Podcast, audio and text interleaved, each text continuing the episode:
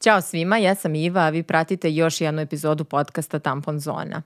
Nekako se desilo to da u poslednje vreme kad god zovem neku poznatu ženu da razgovara sa mnom, uh, desi se da je to glumica i to nije namerno, već uh, jednostavno takva situacija da u poslednje vreme upravo glumice glasno progovaraju o nekim uh, društveno angažovanim pitanjima i zalažu se zapravo za rešavanje nekih problema, te jako mi je drago da je sa mnom u studiju danas ne samo glumica, već i žena koja je zaista pokretačica promena kada je zaštita životne sredine u Srbiji u pitanju.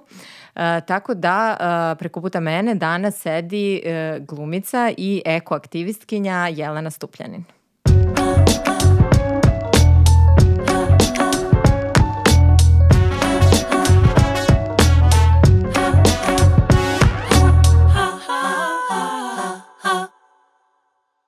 Dakle, kao što sam najavila, sa mnom danas u studiju je Jelena Stupljanin. Jelena, dobrodošla. Hvala, hvala. Imam ima. nekako posebnu uh, poriv neki da se svima vama zahvalim koje dolazite, jer malo je termin nezahvalan to 4-5 popodne stvarno je postalo onako baš izazov stići negde stići u Beogradu u to vreme. Negde, Tako da, da hvala da. ti što ne, si tu. Ne, tamo posla, baš mi je zadovoljstvo. Hvala tebi na poziv. Baš sam razmišljala kako da počnemo naš razgovor, ima toliko tema i stvarno toliko toga želim da te pitam. Mm -hmm. uh, I pričala sam sa nekim drugaricama da ću danas da razgovaram baš sa tobom.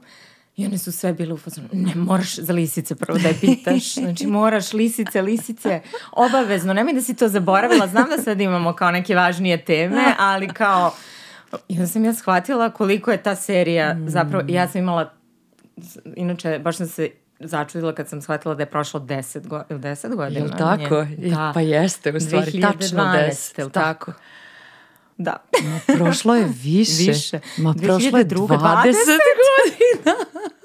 2002. Ja sam odjedno bila presrećna kad si rekla 10. 10, jel da? Ja ko jel? I malte ne sam htjela da kažem 20, da, 10. 20, užas. Ali 20. Okay. ok, da se ja ovako dobro sećam nečeg što je bilo pre 20 godina, divno.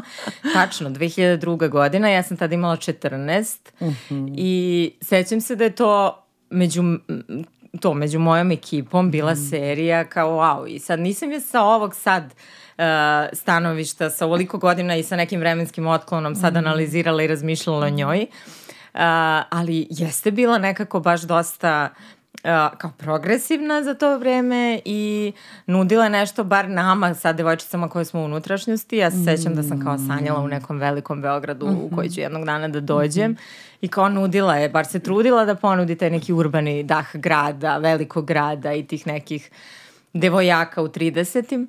Ovaj, kako je tebi sad kad se setiš toga?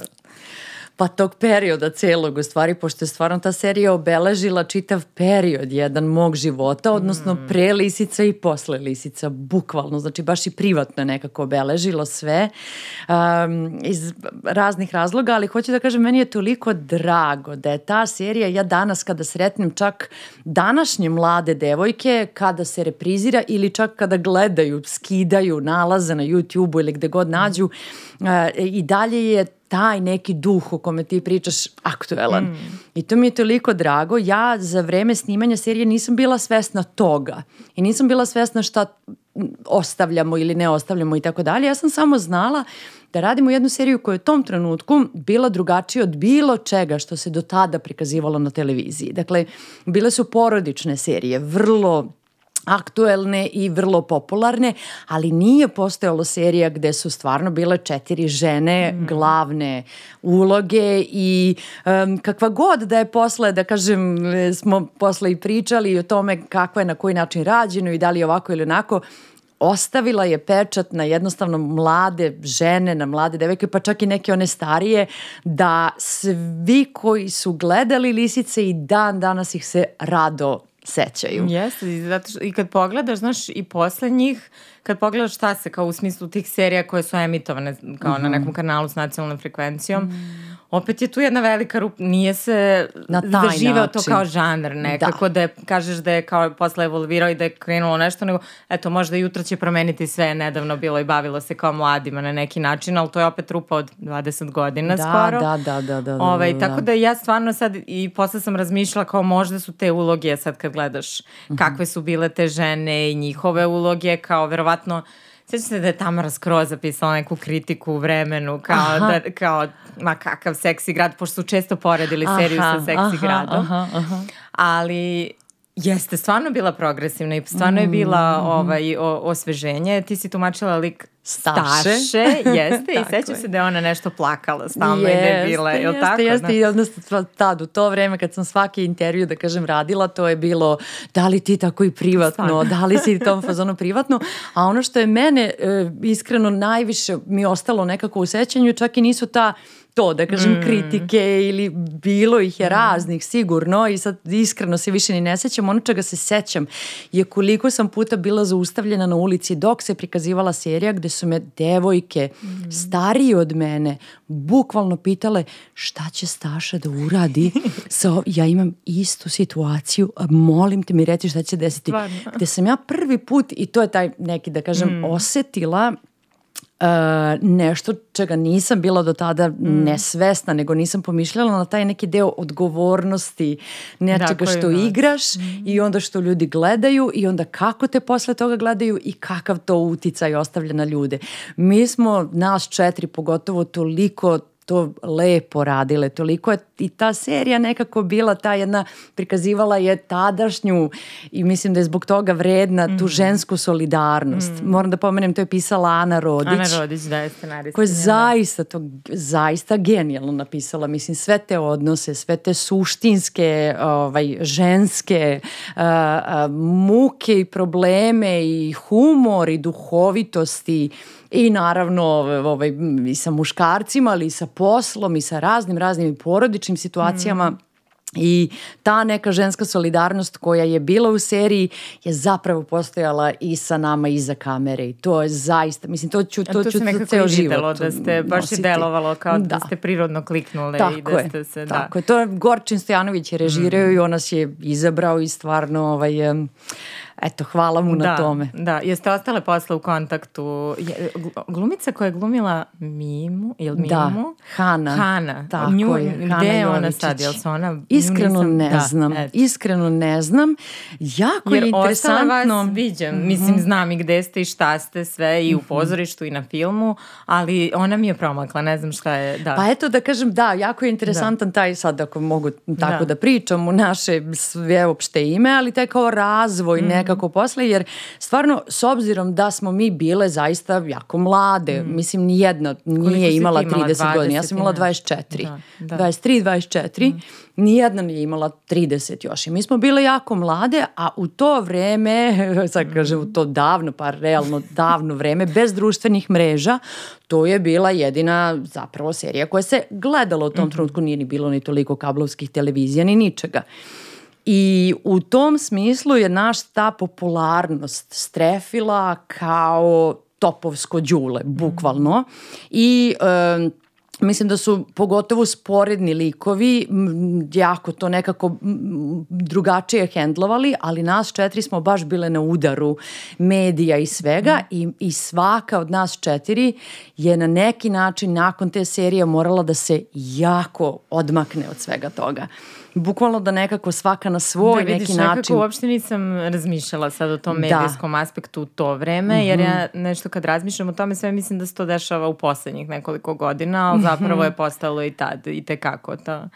Da, apsolutno. I sad ja ne, ne znam, ne, nisam se ni bavila time toliko koliko da li je to tad krenulo ili je bilo Da. sigurno i pre i tako dalje, ali sećam se da smo nas četiri nekako mm, nismo prosto, mislim da ni jedna nije nije bila nespremna, nego nismo očekivali takav odziv, pa na kraju krajeva i pozitivnih i negativnih kritika. Mm. Mislim da sve serije koje su se na kraju krajeva do tad radile su imale prosto jedno očekivano viđenje, očekivano mišljenje. Mm. To je neka porodična serija koju ili gledaš ili ne, neko ti se sviđa, neko ne, to gleda i to je nešto što se Ma, dešava u 8 sati i to je to. koja, da, ne iskače sad. A ovo je odjednom bilo, če, pa da li su one takve, pa da li je to kod nas, pa da li su one ovakve, da li su onakve i odjednom je sve to bilo previše mm i e, neki od nas su pobegle u pozorište, neki su pobegli iz glume, ja sam otišla u Ameriku. Da, da.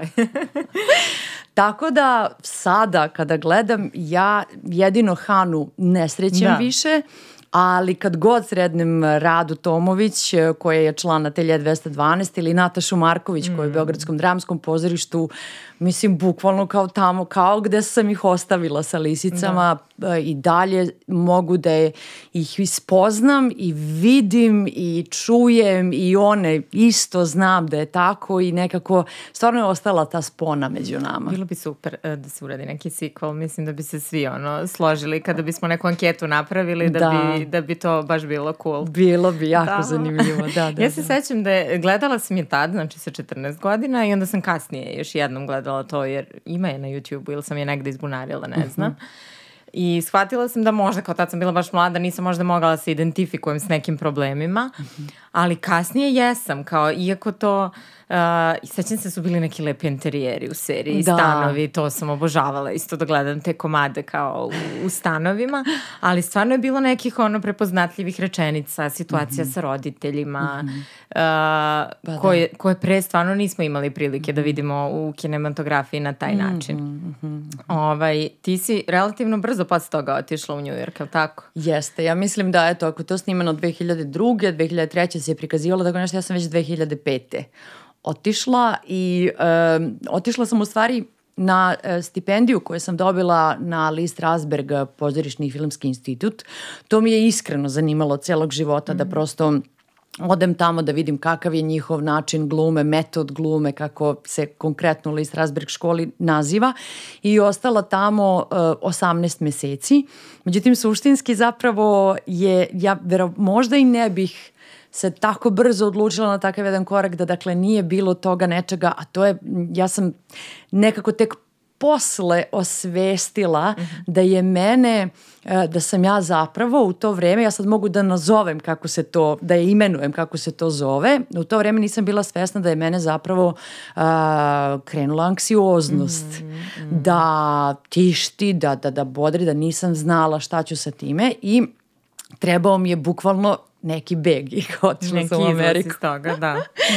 ali sa druge strane, da, otišla sam tamo, želela sam tamo da odem, ali s jedne strane sam i uh, je dobro što sam o, o, nisam morala baš da vežim u Ameriku, mm. ali je s druge strane dobro jer sam tamo zapravo u tom društvu mnogo toga spoznala i naučila, I osvestila i o anksioznosti i o mnogim stvarima koje se bar u tom trenutku kod nas ne da nije pričalo, mm. nego nije uh, bar u mom krugu ljudi, nije postojalo kao pojam. Mm. I mislim da sad u poslednje vreme, pogotovo mlađe generacije, uh, ja sam eto 78. godište, ali kao zaista od mlađe generacija slušam u javnom prostoru da se govori o anksioznosti, o uh, mentalnom zdravlju yes. i to je zaista u poslednje vreme tako. Jeste, da, ja vreme kad sam bila kad sam mlađa, ja, ono, da. to bukvalno kao termin, malte ne, ni, nije, postojalo, nije postojalo, nismo ga znali. Nisi, potpuno nešto nepoznato što nisi mogao da imenuješ.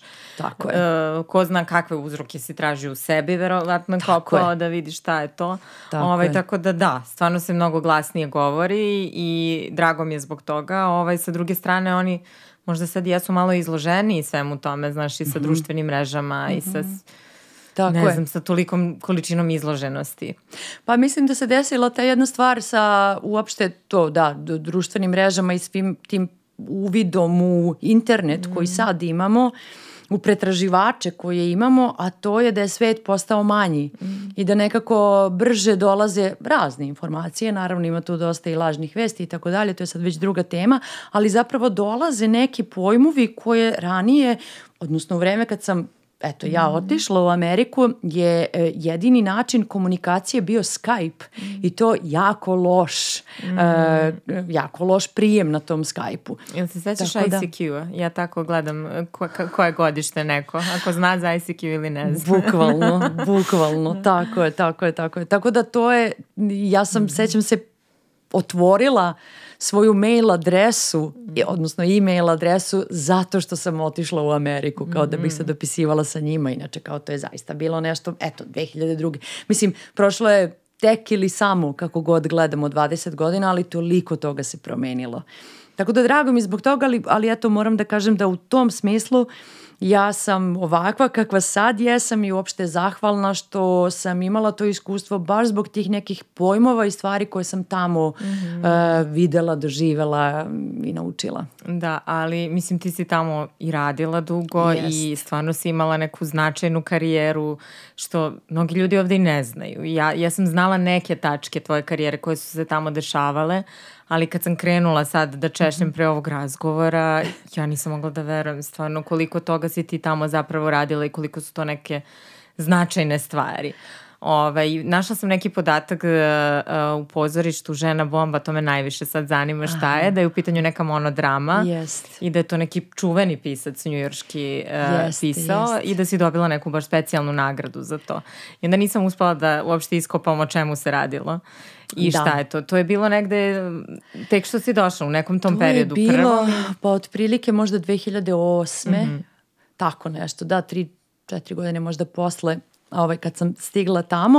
Uh, taj pisac Alan Kronberg se zove, ne znam ni kako bih izgovorila njegovo ime ovaj, na, e, sa našim akcentom, nije ni važno. U svakom slučaju, e, on i mnogi su dolazili u List Strasberg da prosto gledaju te neke, ja sam učestvovala u dosta tih predstava koje se radilo u Strasbergu, jer e, List Strasberg kao škola postoji, ima kurs od tri meseca koji svako može da, e, pos- da ode na taj letnji kurs i da ga završi. Ja sam dakle ostavivši, ostaje, ostavši 18 meseci radila i te neke predstave sa njima. U svakom slučaju Alan je mene tamo video i predložio mi da pročitam taj tekst. To je tekst bio o zapravo ženi koja je iz novinarske perspektive priča o ženi koja živi u Afganistanu.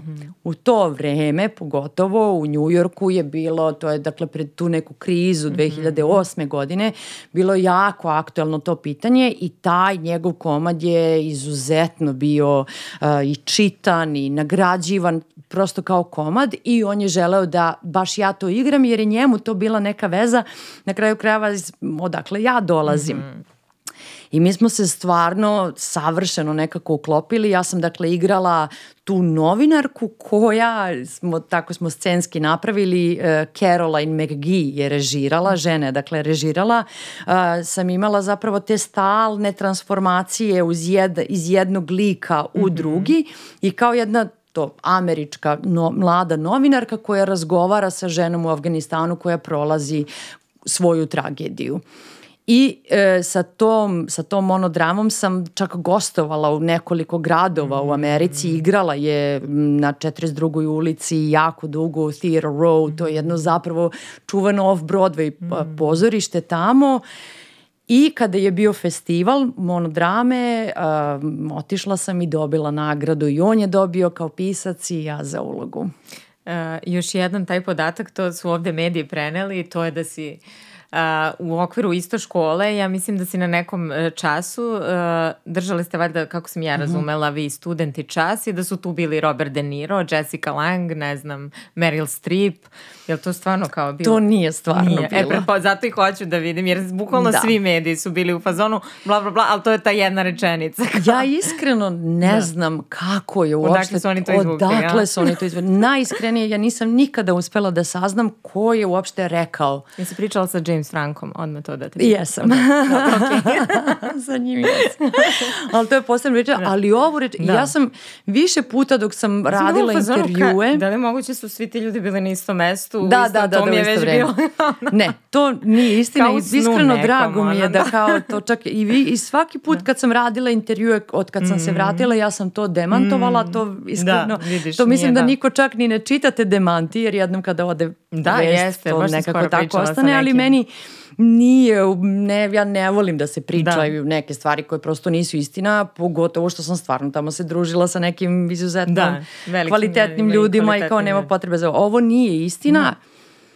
Istina je da sam imala, da sam bila na radionici mm. koju je Liza Minelli vodila. Mm. To je bila radionica zapravo pevanja koju je ona vodila wow. u Lee Strasberg institutu. To je mm. stvarno nešto mnogo lepo i divno i tako dalje. Ona je tu pričala razne svoje neke anegdote zapravo više nego što je um, ta radionica je zapravo postala priča njenih mm. uh, uspeha, ali je mislim fascinantna žena mm. svakako I upoznala sam Jessica Lang mm -hmm. sa kojom sam uh, razgovarala, e, zatim oni su tad već bili rastavljeni, ali Sam Sheparda, njega sam pa mogu da kažem da sam se čak i družila zapravo sa njim. Sve ovo zahvaljujući nečem potpuno drugom, a to je uh, drugo jedno pozorište sa kojim sam tamo radila.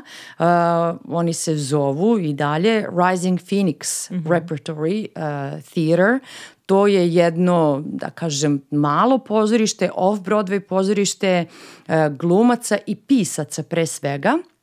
A, ja sam bila njihov član dok sam tamo živala i mi smo radili, pa sig, ja lično sam radila dve predstave godišnje a, sa njima, dugo godina i stvar kod njih je, pošto nema repertoarskog pozorišta, predstava se igra koliko se igra mesec i po, mm -hmm. dva dana, svako veče izigra se i onda se nešto drugo mm. radi. Oni su se pretežno bavili um, savremenim uh, mladim piscima, njujorškim mm -hmm. i na taj način sam upoznala ovaj, da. sve ove ljude. Da, baš mi je bilo čudno, iskreno morala sam da te pitam jer sam znala bukvalno kao da sanješ, ono da. neko da su svi oni da. tu i to. Da, da, da. Uh, ovaj, šta, ko, šta ti je sve donelo to iskustvo? Kakav je uopšte osjećaj igrati tamo u pozorištu u Njujorku?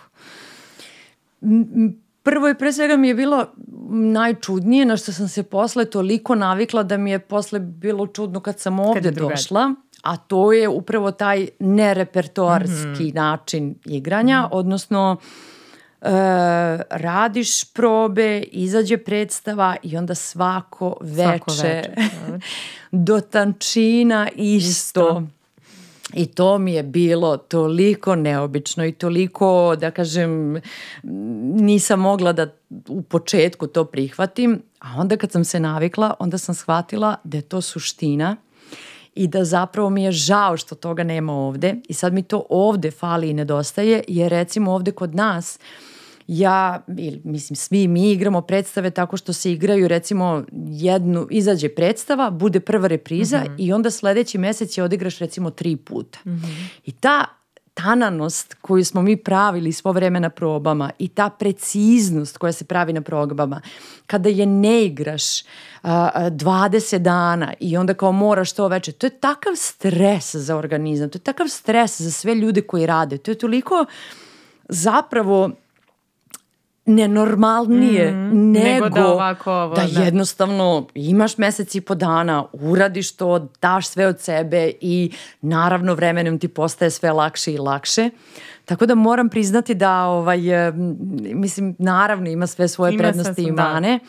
ali u svakom slučaju ono što sam tamo nekako zapatila, što je meni i odgovaralo jer sam inače kao bila štreberka i mm -hmm. ostala, ali je ta jedna vrsta ultimativne discipline, e, načina na koji oni rade, pa sve što mm -hmm. zapravo rade, odnosno oni koji su dobri, ali kao ne postoji sramota discipline, mm -hmm. ne postoji sramota štreberstva, ne postoji glupo mi je da nešto kada sednem da radim, da uradim kako valja, mm. kako treba, kako, mo, kako da se dam ceo sebe, da se dam i da je to okej. Okay. Mislim, ne postoji to kao ono, jo, ono blam je kao, ne znam, glupo mi je sad kao šta sa... Ne, mislim, kad dođeš da radiš, blam je tamo ofrljati, ono, mm -hmm. ne raditi da, posao odrađivati. kako treba, odrađivati mm -hmm. posao. I to je nešto što moram priznati da celog života ću sigurno nositi sa sobom. I ti si paralelno sa pozorištem snimala i filmove i serije tamo. I ovaj, jedna od svakako poznatih serija gde si imala ulogu je Blacklist. Da. Ovaj, kako ti je to bilo iskustvo? Je li to kao neka, jel smatraš nekom kao naj, najvećom serijom u kojoj si igrala ili kako? Da, da, smatram, ja sam tako lako nekako dobila tu ulogu, otišla sam na casting koji je tamo bar za te takve stvari i takve uloge dosta onako se teško prolaze mm -hmm. jer ima ne znam koliko, je otprilike 5, 6, 7 krugova da se dobiju uloge za tako velike serije, međutim mi se je posrećilo da sam odmah otišla kod casting direktorke koja je nekako me odmah predložila reditelju i bukvalno nisam dva dana čekala, on me je pozvao. Mm, I, i, i, i, I onda sam nekako imala ceo taj, uh, kako bih rekla, tretman toga da smo imali i probe, da smo radili i snimali i isto jedna stvar koja je meni apsolutno neprikosnovena kao i u pozorištu, a to je ta jedna profesionalizam mm -hmm. rada, odnosno uh, svako ima svoje zaduženje i niko se ne meša ni u što drugo. Ne, mislim, nemaju prosto, ti odeš na set i jedini tvoj zadatak je da znaš tekst i da dobro odglumiš. I to je nešto što je nenormalno prijatno. Ti na taj način onda jednostavno možeš da radiš danima i danima i danima jer znaš da je to jedini tvoj posao, da ne moraš da razmišljaš uh, da li treba da popraviš tekst ili ne moraš da razmišljaš kakvi su produkcioni uslovi, mm. ne moraš da razmišljaš kakve će biti raspoloženje koga ti imaš svoj trailer, u svom traileru se spremaš, ti naravno možeš da se družiš sa mm. kolegama, ali dok, dok se radi, maksimalno se radi, svi su koncentrisani i naravno posle kada se To mi je bilo zanimljivo zapravo kada smo to prvo veče završili, ja sam posle imala još nekoliko mm -hmm. dana i tako, ali to prvo veče meni je bilo neobično što su svi kao maltene niko nije hteo da se druži, druži sa mnom. I to mi je bilo grozno.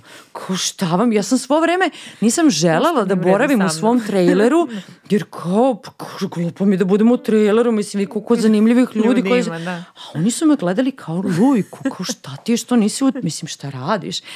Da bi zapravo kada se to veče završilo snimanja, ta opuštenost i ta normalnost i kao onda smo tek ono seli, mm. otišli na piće, porazgovarali, nismo dugo ostali jer kao sutra ima posao, ali baš sam naučila, čekaj, dođi u radi posao, koncentriši se, mislim, čiti knjigu, kao radi, možeš da budeš produktivan da. non stop na taj način.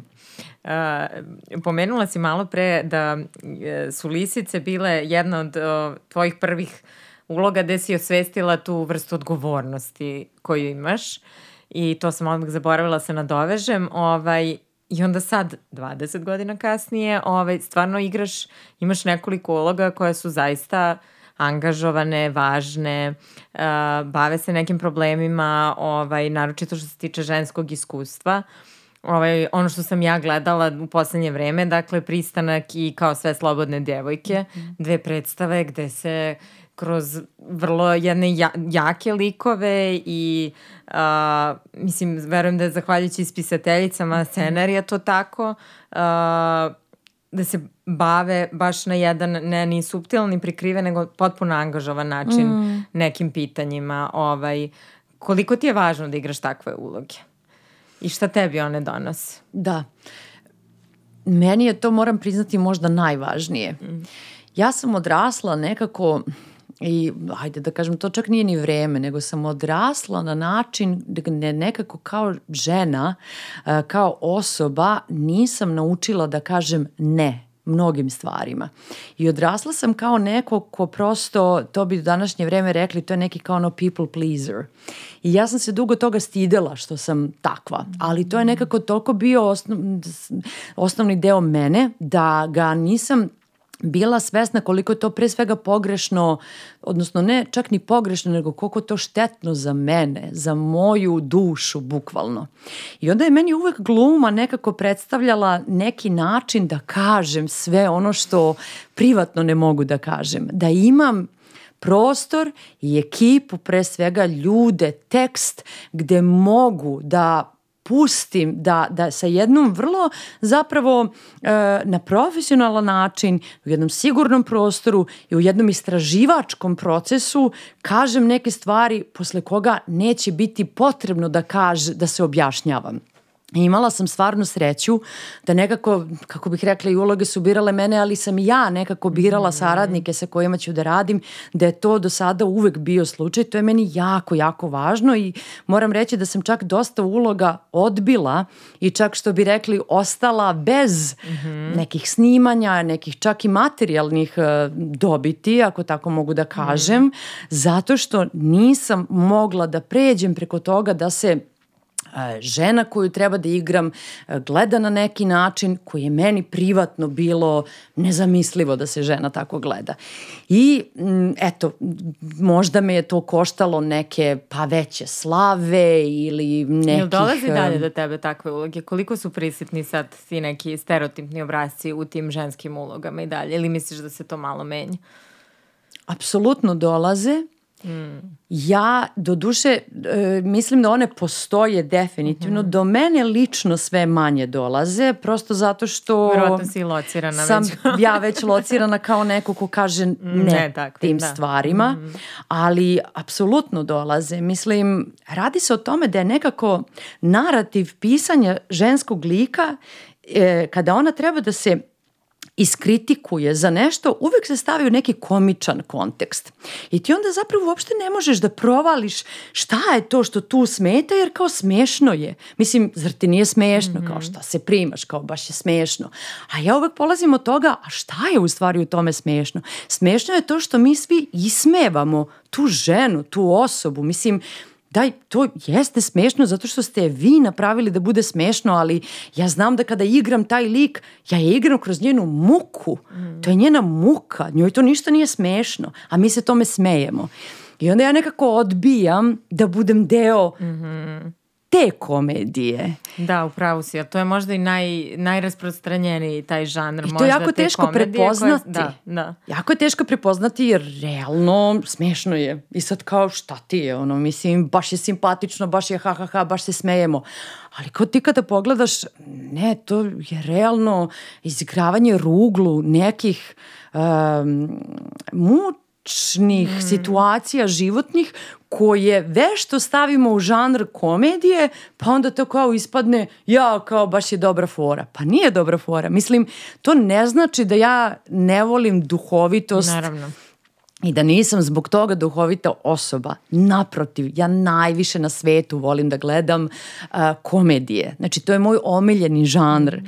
Ali volim da gledam komediju zbog koje se neću osjećati loše što se nekome smejem. Mm. A uglavnom, uh, ne sve, ali većina komedija koje se tako olako i brzinski kod nas rade, pogotovo na eto nekim da kažem ovaj e, frekvencijama mm. uh, koje, koje, koje su da kažem široke mm. za široke narodne mase govore i, i, i smejemo se ne samo ženama, na kraju krajeva nekim ljudima koji, za koje znam da kada bih morala da ih igram, to su muke životne i to nije ništa smešno. da. da, humor se često svede na to ili sramoćenje ili smenje toj nekoj tuđoj nevolji Tako i je. ovaj muci. I to je često, mislim sad, i u medijima slična situacija, dosta je taj prikriveni seksizam koji nije na tu prvu loptu, nego je. je umotan u taj neki papir humora ili čega god već i ti ga ne prepoznaješ odmah i Tako kao je. ha ha ha hi hi hi, a mislim da je zalivanje tog narativa mnogo štetnije zato što se nekako uvuče i kod nekih ljudi koje možda ne nužno ne gaje takve stavove. Tako je. Ali je to tako upakovano da... da... Pa evo, na primjer, mislim, stvarno imala sam, da kažem, situaciju u kojoj mi je ponuđeno da igram uh, ženu koja je deklarisana, to jest uh, da kažem opisana kao ličnost, kao sponzoruša. Mm -hmm. Međutim, ceo njen put jel, sponzoruša, šta uopšte to znači, je takav da na kraju uh, uh, sezone uh, ona bude ta koju glavni lik muškarac napusti mm -hmm. i izgrdi zbog toga što je ona takva, te ona u poslednjoj svojoj sceni ostane gde joj kao suza niz oko ide, jel? Ona je pritom komičan lik, jer je prosto sponzoruša, a on bude taj koji je njoj rekao kako i šta treba da se ponaša. Ja sam rekla ja ovo neću da radim. I onda sam ispala neka, kako bih rekla, osoba koja se, mislim ne samo kao drnda, nego kad sam rekla kao to, to Da, ovo kako nije tebe u redu. kad kažeš ovo ne nije, pa ne, za, da. pa jednostavno kao prevrće se očima, odnosno kao malo sam teška za kao Mm. komunikaciju, jel? Jer kao, ma, kao daj, ono kao samo snimimo, mislim, uglavnom se to nekako kaže, pa ovo je samo posao, daj kao radi posao, idi kući. Ne znam, meni nije čoveče, ne mislim, ne mogu da radim nešto u šta do te mere ne verujem privatno, da kao, mislim, zaradit ću pare, ali zar je stvarno došlo do toga? Verujem, nažalost, moram da kažem, verujem da mnogim ljudima jeste došlo do toga. Znači ja ne želim da zvučim kao neko ko kritikuje bilo koga što nešto radi. Nego je samo narativ toga da smo mi svi navikli na to i da se lako odnosno nije čak to ni laka odluka, ali to je neka odluka koja se donosi jer je čitava mašinerija tako ustrojena. Te stvari se prosto najbrže rade, najlakše pišu, najviše ljudi prima te sadržaje. Znači, uopšte neću da budem neko ko krivi svoju branšu. Ne, ne želim da, da, da budem, u principu ne želim da budem osoba koja je, um, se polarizuje na bilo koji način. Mislim da niko na svetu ne, nema samo jednu ne ili drugu da stranu. ono, naravno. Da. Jednostavno ne, ne polarizujem se ni na koji način i niko nije takva kao podela. Tako da u tom smislu ne mislim to, ali toliko dugo to već traje i toliko se dugo na tome već radi, da većina ljudi ne mogu da kažu ne, Ne, da. takvom poslu. Ja se trudim i dalje koliko god mogu i umem da uspem da kažem ne. I koliko ti onda znače ovakve uloge, kao što su uh, u predstavama pristanak i u sve, kao sve slobodne djevojke? Izuzetno mi znače jer pre svega ekipa ljudi sa kojima radim i to je nešto što je meni jako, jako, jako važno. Ja moram da kažem da iz, i, i, i ovaj, eh, predstava Pristanak a, ima fantastične glumce, moje drage, drage kolege i predstava kao i sve slobodne djevojke i glumci, ceo kreativan tim, obe predstave su tako neki mudri ljudi, mislim pre svega mudri ljudi koji razmišljaju, koji podrobno se bave svojim poslom, kojima je stalo do našeg posla i koji se bave umetnošću, koji je toliko na neki način, nažalost, trude se da nas zapuste, a mi se ne damo.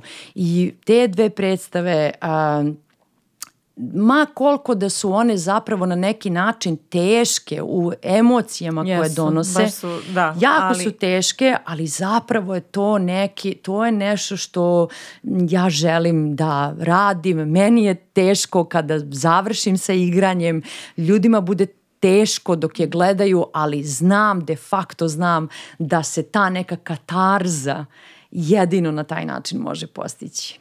E, samo da pomenemo za ljude koji nisu gledali predstave, nećemo mnogo da otkrivim, otkrivamo, ali pristanak, eto, sam naziv nećemo previše da pričam, ali pristanak kao tema je dosta prisutan sad u, u, u društvu, tako da mogu da na- nagađaju o čemu se radi. Kao sve slobodne djevojke je pisala, je radila Tanja Šljivar, jel tako? Tako je. Ovaj, I nju je za to motivisao događaj i, i u medijima je bio taj naslov kada je Mm. deset devojaka zatrudnelo na ekskurziji u isto vreme. E, samo tako? ću malo u Da. stvari da, te ispravim, zato što, mislim u stvari ne čak ni da te Da. ispravim, ti si potpuno u pravu, ali jako interesantno, to je zapravo način na koji Tanja priča o tome ka, šta je nju Mhm. motivisalo, je zapravo ta, e, e, istina je da se desila vest E, to da je su to. devojčice Jeste, vest. Pitanje je šta je uopšte, Tako posle je. A toga zapravo uopšte ne ništa- zna da li se ne to zna šta desilo. se desilo, da, uopšte, ni šta je bilo posle toga, ni to je bila samo jedna vest koja se tako pojavila. Tako je. Koji je zapravo jedan muškarac Mhm. izrekao kako je strašno da je to deca kada odu na ekskurziju, oni su 13-godišnjaci. narativ bio, jel? D- Da. Tako je, da, da, da. Kako one 13-godišnjakinje otišle su na ekskurziju i eto, maltene ono kao njih, eto koliko sedam, Mhm. se vratilo trudno. I to je bila vest. Da, da. Ali ti, ne da niko nikada nije pitao te devojčice su stvarno bili, šta se tu Šta se desilo? tu desilo, Bukvalno se da. ne zna da li, su, da li se to ikada desilo. Da. Ali je to njemu poslužilo Mhm. kao jedan politički zapravo narativ da pokrene neke, da dobije neke svoje razne, razne, razne političke Da, neverovatno je koliko ta sad jedna vest, bila ona fiktivna ili ne, koliko pitanja za sobom može da izazove i što je i jedan od okidača, mislim za Tanju bio verovatno da napiše, ovaj, da uradi predstavu. Tako je. A, predstava je jako teška, stvarno. I a, zanimljivo, eto, nećemo puno da otkrivamo, ali da kažemo da a, dva muškarca glume dve devojčice i vas još četiri, tri, Mm, da, koliko da, vas je? nas šestoro vas, ukupno. Da, ukupno šestoro, znači vas četiri, njih dvojica. Da. A, ja sam prvo mislila da će mi smetati što muškarci kao glume žene, ali te stvari koje oni izgovaraju i uh, su toliko jake, mislim, dijalozi i, i, i njihove rečenice toliko da ti, zabor, ti prosto ne vidiš malo te neko igra tu, tu, tu ulogu. Ovaj, uh, kako je tebi bila ta uloga? Kako si je, je li tebi bilo teško da glumiš? Pa iskreno jeste. jeste, baš je onako iziskivalo jedno emotivno poniranje, bukvalno poniranje. Ja moram da kažem pritom da je za ekipa sa kojom se radila bila savršena. Znači mi smo toliko svi divno funkcionisali u smislu razumeli smo se, Selma Spahić je režirala, samo da pomenem. Da, da i nju pomenem. Rediteljka iz Sarajeva, mi smo se toliko kapirali. Mi smo toliko nju, da kažem, vod, pratili. Ona je nas divno vodila jer ona je došla ultra spremna sa time šta želi da radi. A, Tanja je bila na, na, na, na, na probama isto, Dimitrije Kokanov je bio dramaturg.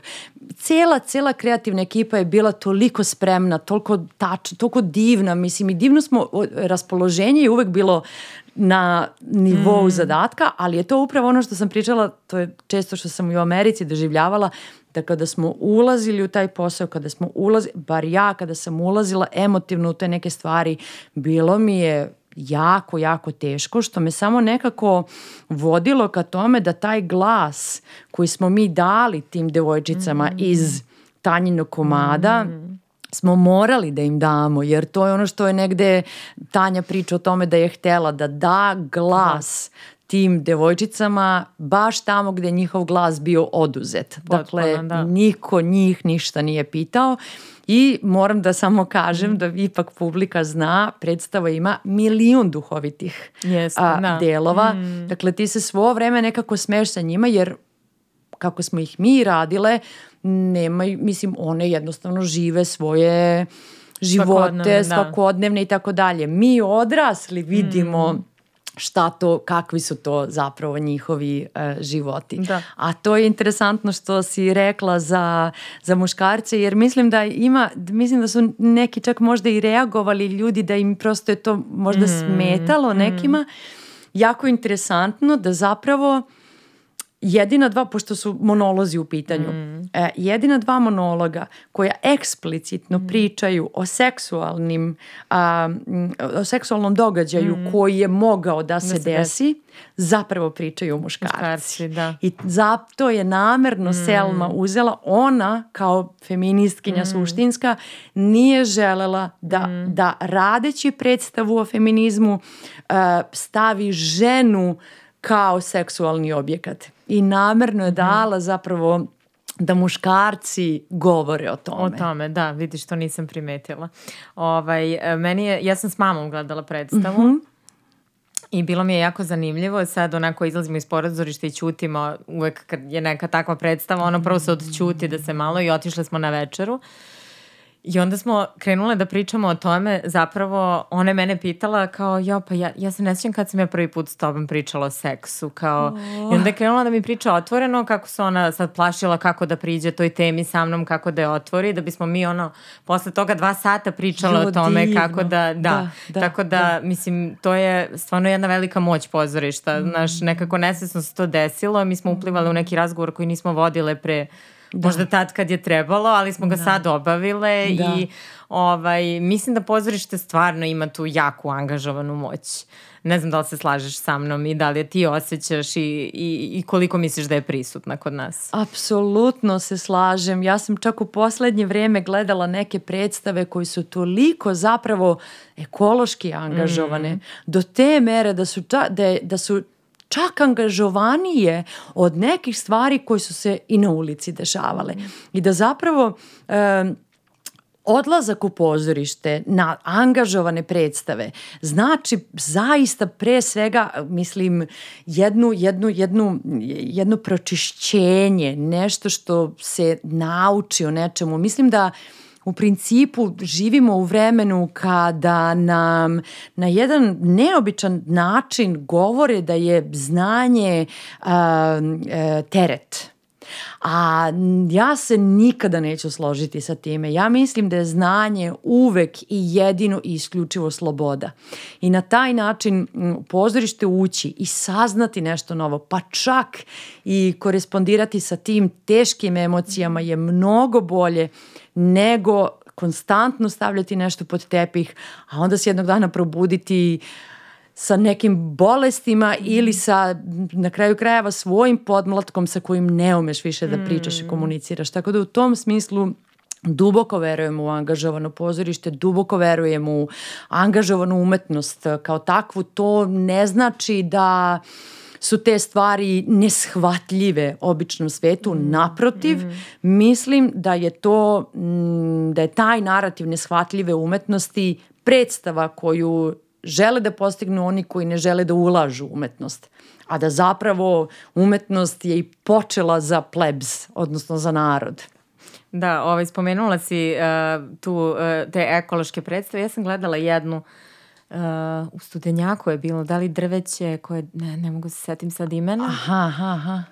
Uh, uglavnom, uh, spomenula si ovaj, tu ekološku angažovanost i ekološku svest koju bi to trebalo da imamo svi mi, a nekako sad ti si ovde i ja ću sad da te najavim kao neku pojedinku koja je ekoaktivistkinja i ovaj, Uh, drago mi je da, da, da si aktivna u tom polju, a s druge strane me nervira što sad kao pojedinci, umesto da, da. svi budemo ekoaktivisti, da. aktivisti, da brinemo kao mm. planeti na kojoj smo, imamo vas neke stvarno jake zagovarače i zagovaračice, što je stvarno važno.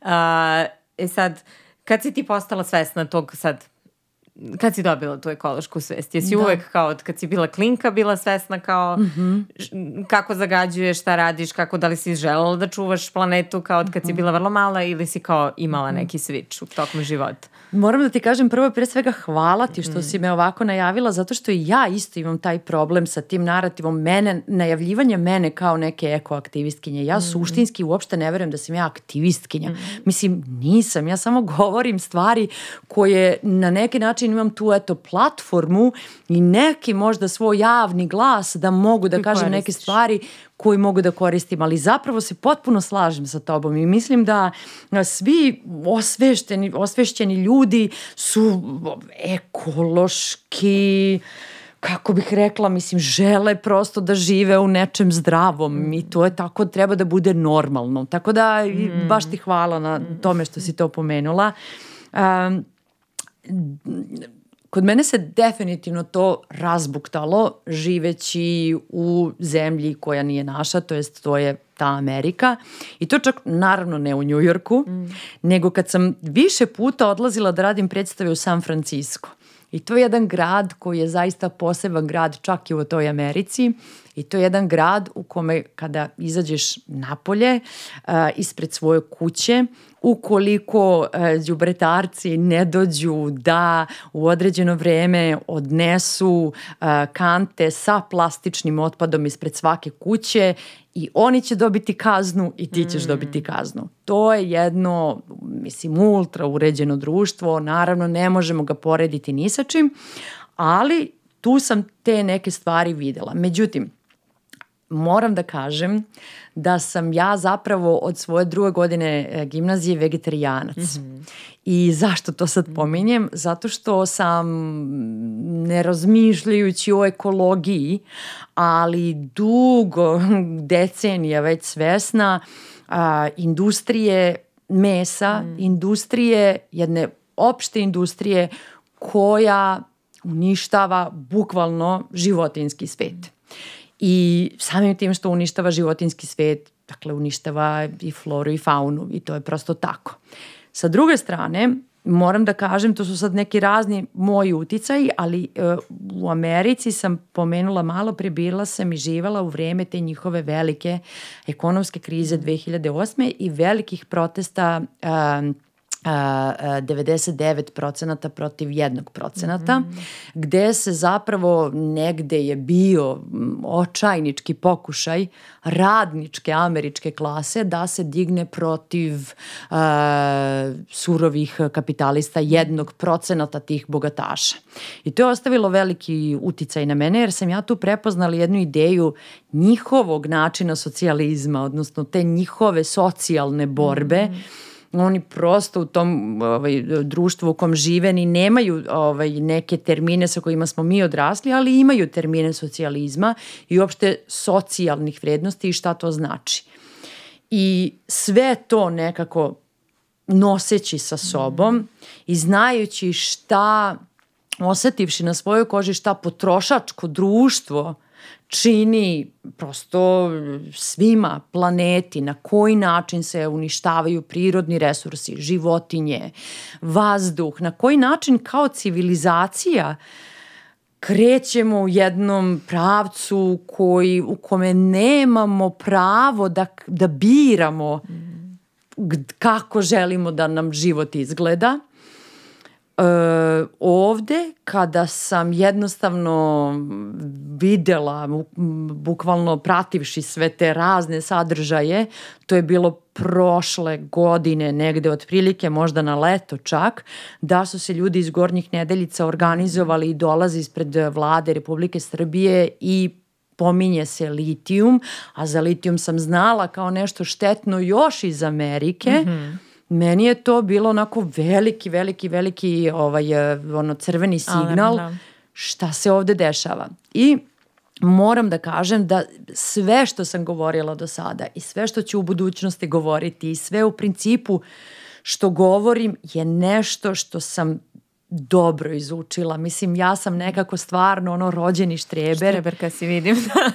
I ja sam išla više ja puta sam. njih posetila, da, sa da njima da razgovarala, tamo, da. razne neke studije čitala, čitala i čitala i gledala i bila na licu mesta i zaista mislim da samo ili izuzetno malo obavešteni ili oni koji zaista ne žele da vide, ne vide da je to suštinski jedan težak, težak, težak, jedna kataklizma u koju ćemo ući ako se sve to ovde desi, ta, to iskopavanje svih tih litijuma, to otvaranje svih tih rudnika. Uh, sad se, mislim, pojavilo se nekoliko tih punktova, čak sam negde videla informaciju da je 180 sa tih nekih istraživačkih područja za slične stvari. Uh, Uh, što je zaista onako, mislim, upozoravajuće već kao dve godine ili koliko već ima.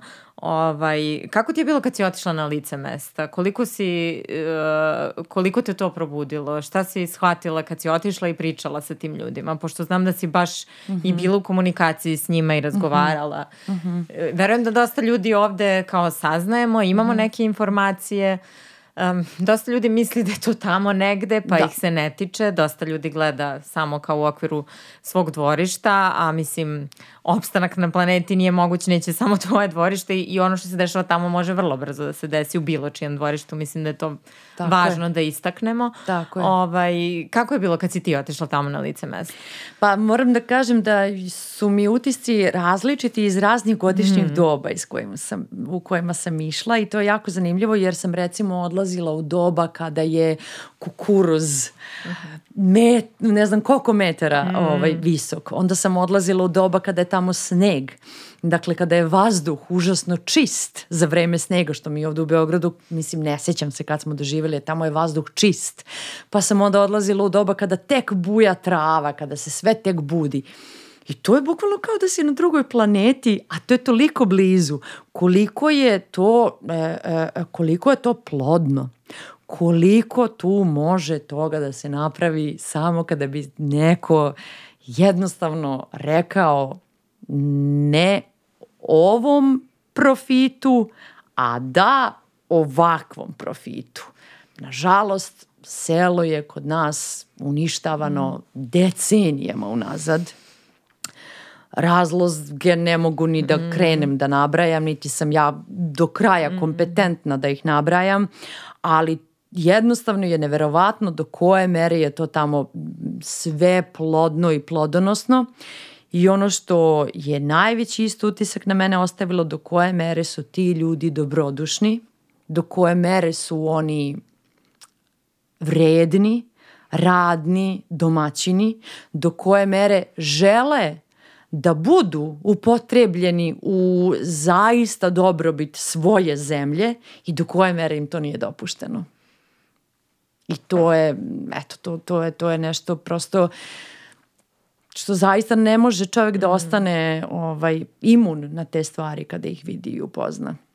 Uh, ti si učestvovala u protestima koji su se dešavali ove prošle godine i sećam se da je bila ta fotografija kako si izašla prva da blokiraš autokomandu ovaj, autoput. Uh, I kako, kako si tad rešala da izađeš na ulicu? Jesi, mislim, verujem da je bes bio glavni pokretač.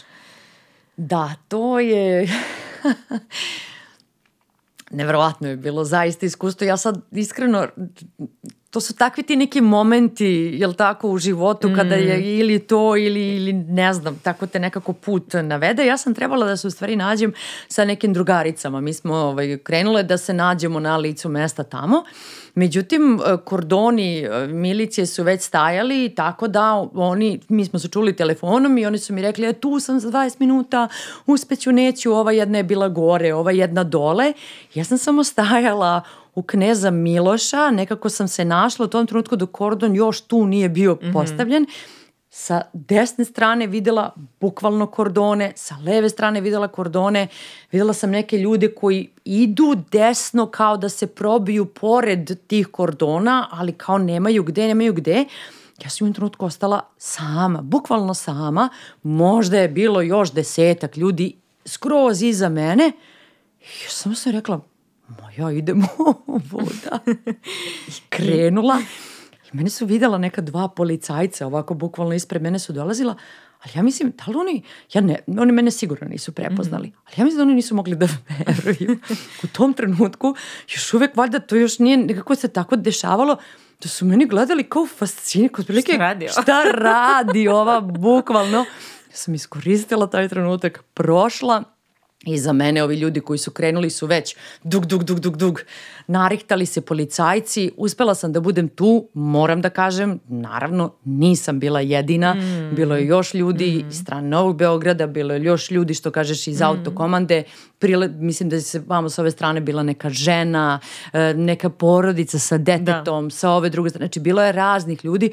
U trenutku gazele, to je tog mm. punkt, punkta gde je bila gazela, Ja se sećam da sam krenula na autoput, da je ovako na mene išao neki mini Moris i da je jedan policajac u tom trenutku već dotršao pored mene i bukvalno ljudski nikad ga neće zaboraviti rekao gospođo, pa nije bezbedno za vas da budete ovde. Dobro, bio je fin, znači. Bukvalno je bio da. čovek iz fazona, mo, znači zgazit će vas neko sve je to tako nekako trajalo, oni su tamo ljudi već nešto blokirali, ovo ne, ja sam već treći put pokušavala zapravo da izađem, stvorila se, probijali su se ljudi, probijali, probijali i probili smo na kraju pustili su nas, šta god je bilo, stali smo na autoput. Jeste, i tad se baš stvorila kritična masa. Onako, kad sam videla toliko ljudi na tom protestu i na onom koji su usledili, uh, činilo, činilo mi se da se desilo neko kolektivno buđenje. Jeste.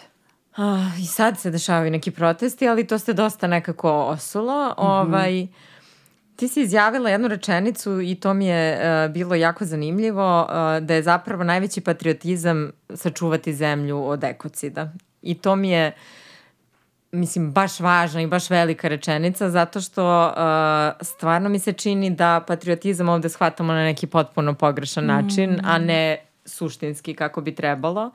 Uh, šta misliš, uh, kako se tebi sad čini cela, ceo razvoj situacije sa Rio Tintom? Uh, šta misliš da su neki sledeći koraci? Meni je najgore to što se stvarno osetiš na kraju jako malo i nemoćno. Pa baš tako baš tako, ja iskreno čak ni ne umem da ti odgovorim na to mm. pitanje. iskreno. Uh, u pravu si, ja sam to izjavljivala više puta, zapravo moram da kažem, to sam videla uh, neka ekološka organizacija, mm -hmm. iskreno se ne sjećam više koja, ali je imala, neko je napisao na tarabi parolu, neko, uh, parolu mm -hmm. neko otprilike, nije patriotizam staviti zastavu kao profil sliku, patriotizam je pokupiti đubre za sobom. I to je suština. Mm.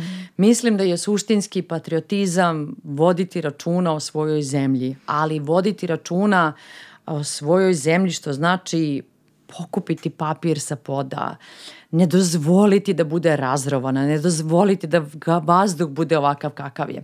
Ali sad sve vreme dok ovo pričam, šta znači ne dozvoliti? Mm. Kako ne dozvoliti? Šta da radiš? Mislim, u jednom trenutku ja sam zaista pomislila evo sad ću to mislim i ovako javno reći, da li sam ja, da li sam ja ono autodestruktivna? Mislim, šta ja radim? Na koji način? Zato što definitivno od ovoga ne da nemam uh, koristi i da moja zemlja čak nema koristi, mm. nego samo neka, št, ne, mislim, ispadaš budala. Mm. Kao šta ja zapravo, šta, šta, je, šta je rešenje? Ja nemam odgovor na to pitanje i nerado, pogotovo ovako javno to priznajem. Mm -hmm. I jako sam, mislim, i tužna zbog toga, kao što verujem da je većina ljudi ovde, mislim da je najgora stvar Ti si imala i problema zbog svega što se desilo. Mislim, kada Tako si je. izašla na ulicu, auto ti je Ja iskreno sad nekako čak postajem i da. emotivna kada o tome pričam, zato što to je ta neka stvar koja nas sve bukvalno vodi u tu neku samoizolaciju. I to je bukvalno tragedija našeg današnjeg vremena, a to je da normalan čovek, da bi ostao normalan, želi da zaćuti. I to je ta neka tragedija koja ja mislim vremenom i znam da će istorija pokazati kao što uvek surova istorija pokaže da smo bukvalno žrtve tog jednog uh, nedela i tih jednih zapravo zločina nad ovom našem zemljom koje se čine, a to je da se nekako staviš u tu samoizolaciju da bi, da bi prosto malo dostojanstva i snage sačuvao za svoje najbliže. Ja nemam mm. odgovor na to šta je sledeće. Mislim da o tome treba pričati, da mm. treba prosto deliti sa ljudima, da mislim da... Mislim da je kod ovih situacija jako važno što stvarno imamo stručnjake za zaštitu životne sredine koji govore glasno i govore koji... Verujem da je dosta ljudi needukovano. Ja prva pre svega ovoga nisam znala ni za litijum, ni za njegovu štetnost, ni, nisam jednostavno bila edukovana na tom polju. Ali uh, odlično je što se stvarno pojavljuju ljudi, nemaju možda toliko medijskog prostora koliko imaju neki drugi, ali opet se pojavljuju i onako transparentno iznose i neke činjenice, istraživanja i ja bih nekako hrabrila ljude da se interesuju, da se edukuju i sami i da slušaju možda te neke a, ljude koji su, mislim, potpuno kao stručni da govore o tome i da jednostavno shvate i da naš urade nešto što je do njih. Kao ja uvek sad si rekla da nisi aktivistkinja, ali ja moram da ti kažem da jesi i da ti problemi s kojima se suočavaš, to je nešto, mislim, sa čime se uvek suočavaš kada bo se boriš i kada vodiš neku borbu na različitim frontovima. Uh, i ne znam, nekako želim da ti ulijem dodatnu neku hrabrost i da ne odustaješ, da se ne, ne povlačiš, iako nekak stvarno sve izgleda kao bitka sa vetrenjačama, ono ovde, za koji god problem da, da, da, da se ono, uhvatiš da ga rešavaš, ali verujem da svaki mikrokorak je opet neki korak i da nešto radimo. Da. Apsolutno da. i slažem se Iva mm. sa tobom i hvala ti, iskreno ti hvala na, na tome. Iskreno jedna od stvari zašto sam i došla ovde mm. kod tebe da pričam sa tobom, baš zato što ne želim da budem ta koja se do kraja mm. samo izoluje. Jer sam shvatila mm. u jednom mm. trenutku da, da krenem, da to... Da, da Jeste, da krenem, lako to, uplivaš u to. Tako ali jednostavno... je, tonem u tu samoizolaciju, mm. ali zapravo ono što smo i ovde mm. pominjali, a to je znanje jeste moć.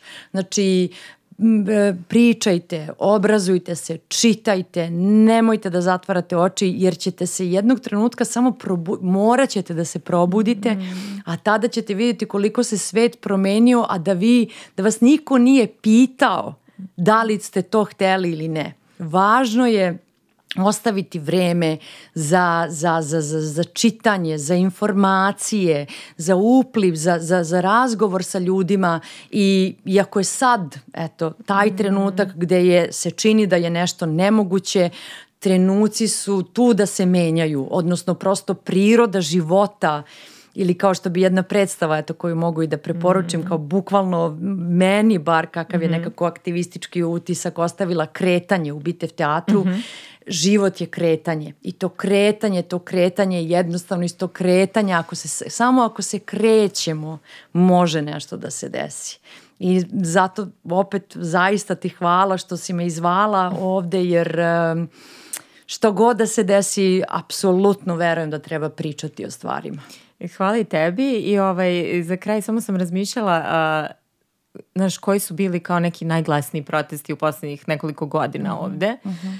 I onda shvatim da su to bili ovi ekološki protesti i to su bili ovi protesti žena koji su se dešavali pre nekoliko meseci Tako. nakon Tako. ovaj, intervjua sa silovateljem koji izašao u Informeru. A, I nekako sam shvatila da ako mislim da će nešto izazvati neku uh mhm. promenu i neku revoluciju, a, to su pokazalo se da stvarno žene tu sad glasnu borbu vode i da spoji ta dva, dakle žene kojima je stalo do da. društva, da. do da.